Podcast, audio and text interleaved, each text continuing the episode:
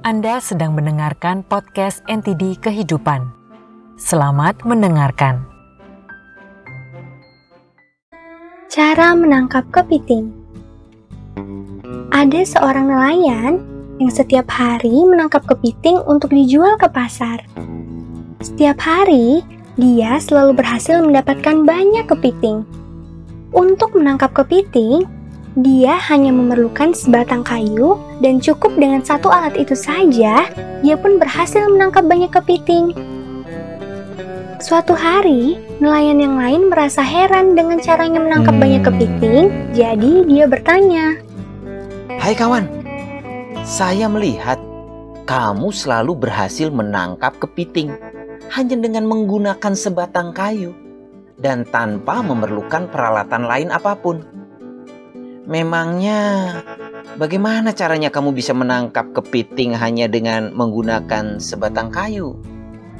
Si nelayan pertama menjawab, Oh, itu mudah saja. Mari, saya tunjukkan caranya kepadamu. Jadi hari itu, mereka berdua pergi ke sarang kepiting. Setelah menemukan satu sarang kepiting, nelayan pertama menggunakan sebatang kayu untuk mengetuk-ngetuk bagian atas cangkang kepiting. Kepiting itu pun langsung marah dan segera mencapit batang kayu tersebut. Kemudian, dengan mudah si nelayan mengangkat kepiting marah yang mencapit batang kayu yang dia pegang. Nelayan pertama ini kemudian menjelaskan kepada nelayan kedua. Lihat, mudah sekali bukan? Usik saja kepiting-kepiting itu hingga marah, dan kita akan langsung bisa menangkap mereka dengan mudah.